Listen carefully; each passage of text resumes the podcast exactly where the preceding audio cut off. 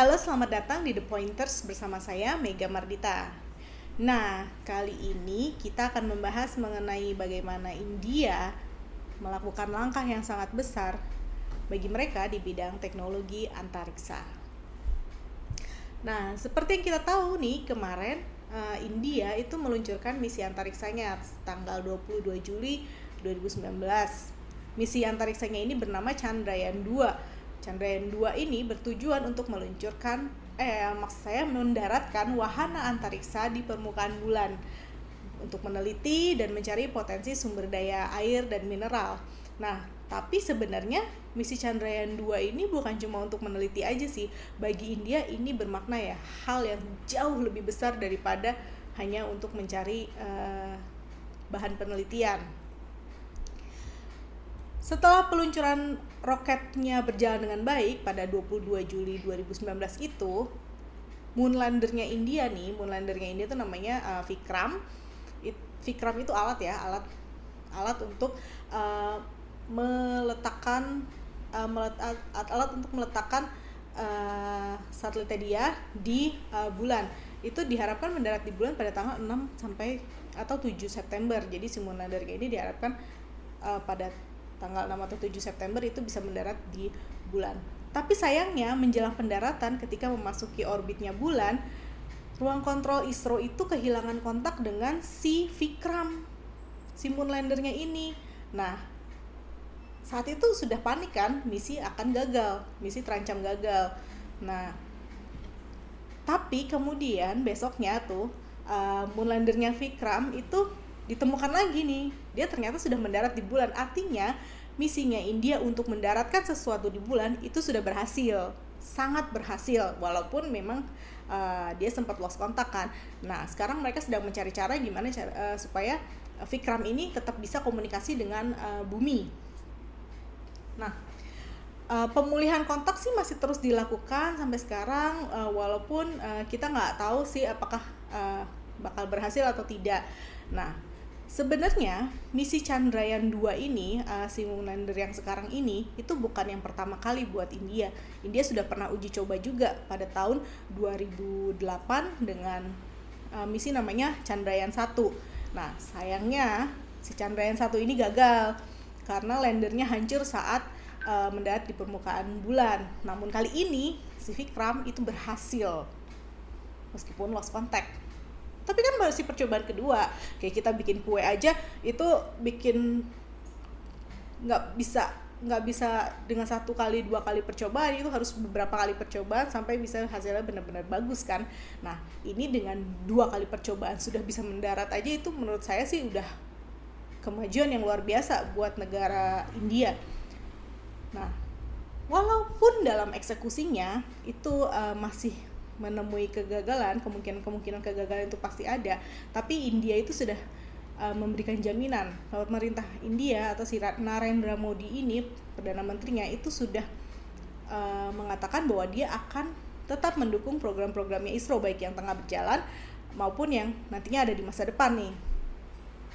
Nah, padahal kita tahu sendiri yang namanya riset, yang namanya pengembangan teknologi antariksa itu butuh anggaran yang nggak cuma nggak sedikit sih banyak banget. Butuh anggaran yang sangat besar.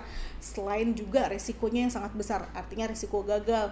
Kamu e, negara ngeluarin uang berpuluh-puluh juta dolar atau ratusan juta dolar itu bisa hilang begitu aja. Kayak contohnya Chandrayaan satu yang hancur kemudian Chandrayaan dua ini yang uh, lose kontak itu kan artinya kayak uh, ratusan juta dolar itu dipertaruhkan untuk sesuatu yang uh, masih uncertain atau sesuatu yang tidak pasti. Mungkin kalau misalnya dari kacamata dari kacamata ekonomi ini sesuatu hal yang uh, agak tidak menguntungkan kan? Banyak orang juga berpendapat daripada India uh, sulit-sulit meluncurkan uh, roket meluncurkan satelit atau membangun misi uh, keantariksaan. Kenapa nggak India pakai aja tuh uangnya untuk kesejahteraan masyarakatnya banyak banget uh, para pakar atau para para ahli yang uh, berpendapat bahwa harusnya uang itu lebih banyak disebarkan ke masyarakat. Tapi pemerintah India itu tidak berpikir tidak seperti itu pemikirannya. Nah tentu aja sih memang uh, bagi banyak kalangan biayanya itu besar banget. Tapi bagi pemerintah India sendiri misi antariksa ini bila fokus fokus uh, misi antariksa ini sebenarnya uh, tidak terlalu mahal kalau menurut pemerintah India. Nah, tapi kenapa sih India kok ngotot banget untuk membiayai kemajuan teknologi antariksa negaranya? Nah, dari beberapa literatur yang saya baca nih sebenarnya uh, pihak ISRO, pihak India sendiri sudah menanggapi. Nah, mereka mengatakan bahwa sebenarnya uang yang mereka keluarkan itu nggak banyak-banyak amat kok untuk program keantariksaan ini.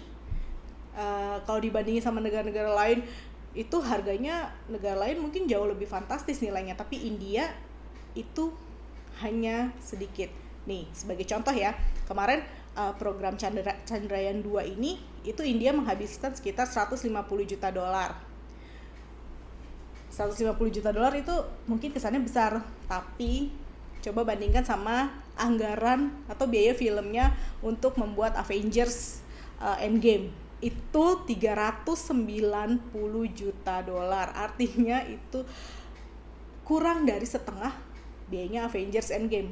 Tanpa CGI tanpa artinya bener-bener itu barang ke bulan gitu loh bukan CGI CGI yang enggak gitu kan. Ya mungkin emang sih uh, pembuatan Avengers itu mungkin sepertiganya atau seperlimanya memang buat uh, manpowernya artinya buat buat aktor-aktornya.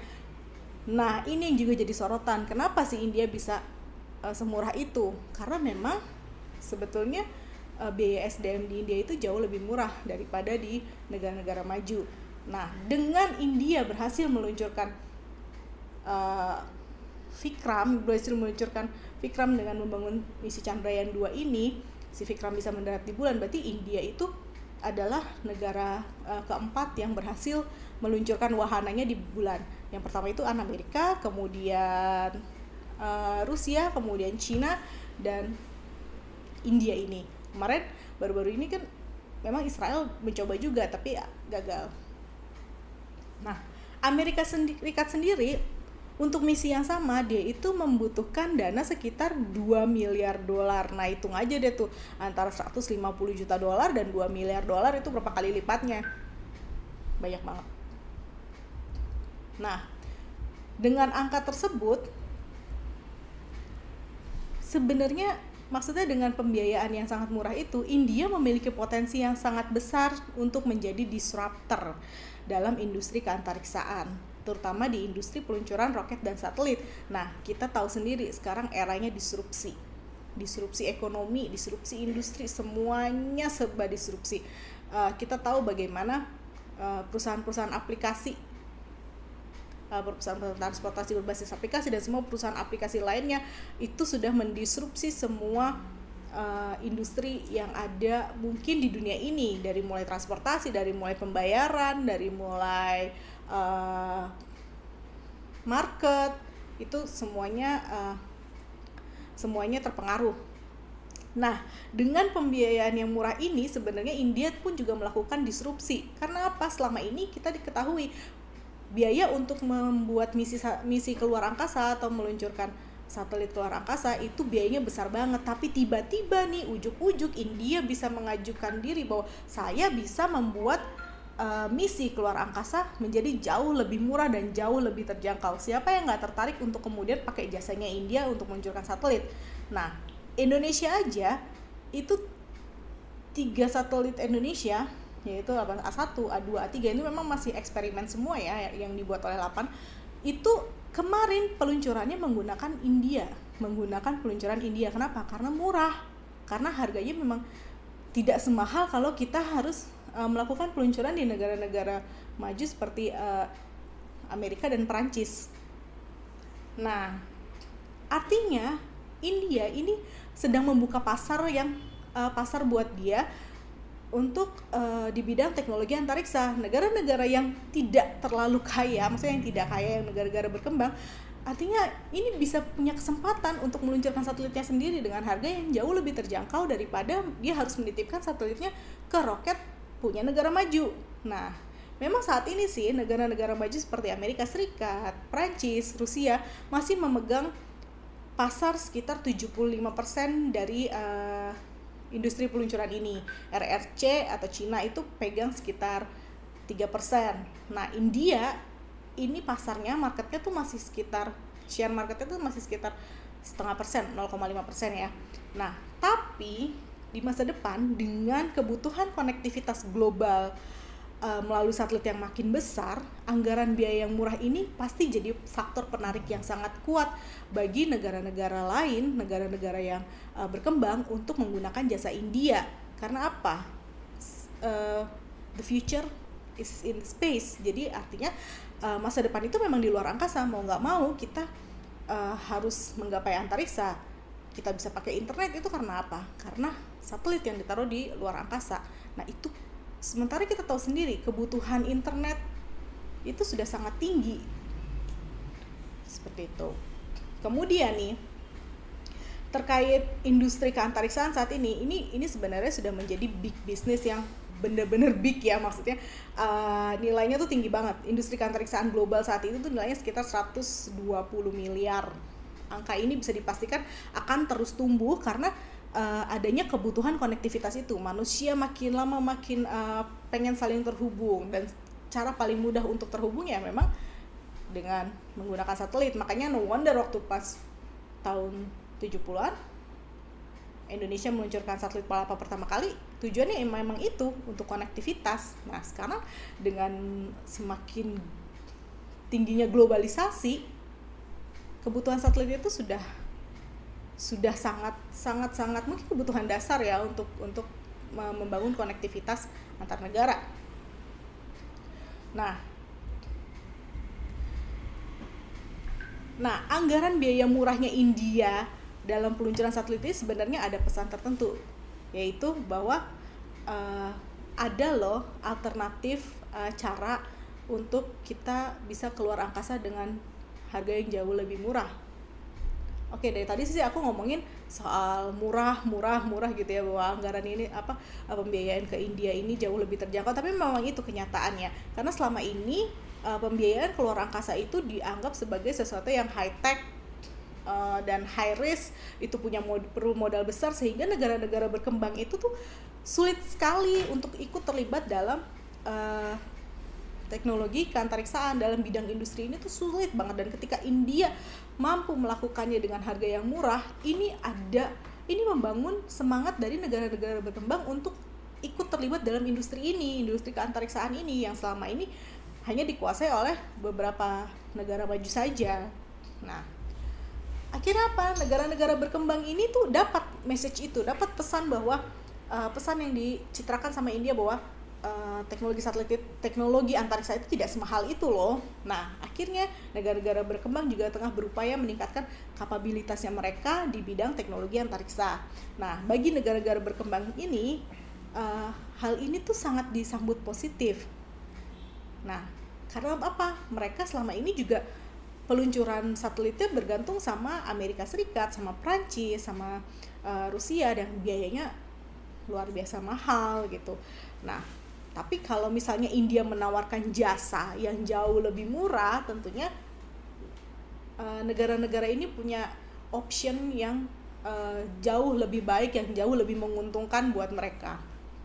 Nah, nah India itu sebenarnya punya banyak alasan kenapa dia ingin mengembangkan teknologi antariksanya. Nah, yang paling utama sebetulnya adalah terkait kedaulatan informasinya.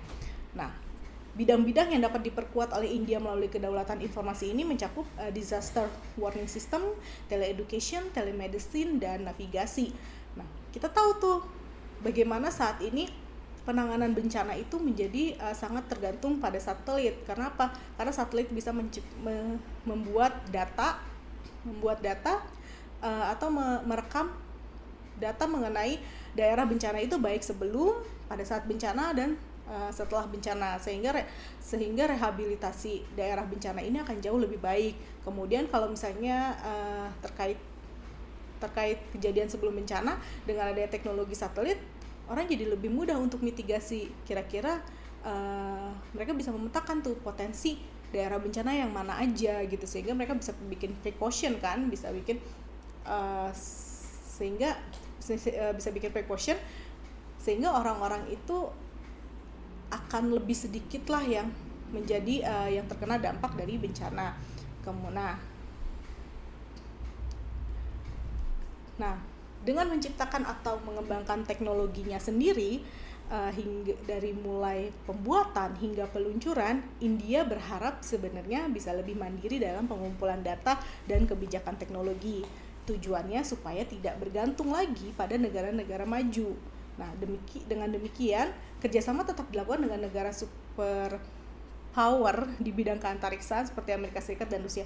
Kerjasama tetap ada, tapi mereka ingin uh, agak lebih mandiri lah karena in the next future bahkan bahkan sekarang ya big data itu menjadi masalah yang sangat penting sekali buat uh, ekonomi.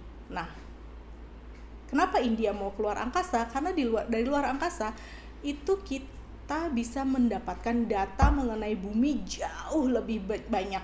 Kita bisa dapat data permukaan, kemudian uh, kita bisa uh, membuat internet menjadi lebih baik melalui uh, kegiatan di luar angkasa. Nah, terkait dengan kritik yang dan terkait dengan kritik atas penggunaan anggaran yang tidak diprioritaskan untuk uh, pembangunan sosial ini, sebenarnya pemerintah India mengatakan bahwa kemajuan teknologi akan dengan sendirinya itu nantinya menyelesaikan kebutuhan atas pembangunan sosial. Karena apa? Kalau misalnya dia punya satelit, dia bisa lihat uh, kondisi negaranya. Dia bisa memprediksi uh, mengenai pertaniannya. Kemudian dia bisa membantu nelayan-nelayannya dalam mencari ikan. Kemudian dia bisa menangani bencana alam dengan jauh lebih baik.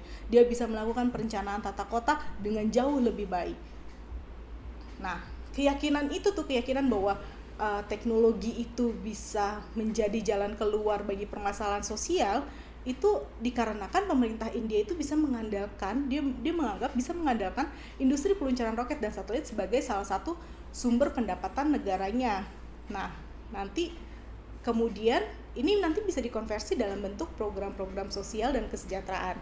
Nah, tele teknologi tele education dan telemedicine itu contohnya tadi. Jadi bagaimana uh, pendidikan itu bisa dilakukan dengan jarak jauh, kemudian layanan kesehatan juga bisa dilakukan uh, melalui jarak jauh.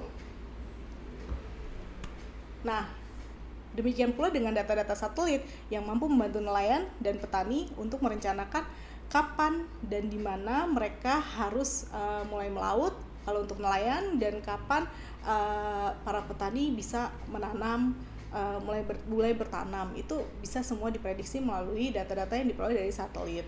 Nah, bukan cuma itu saja, bahkan saat ini India pun sudah mulai memiliki uh, berbagai startup di bidang teknologi antariksa ini.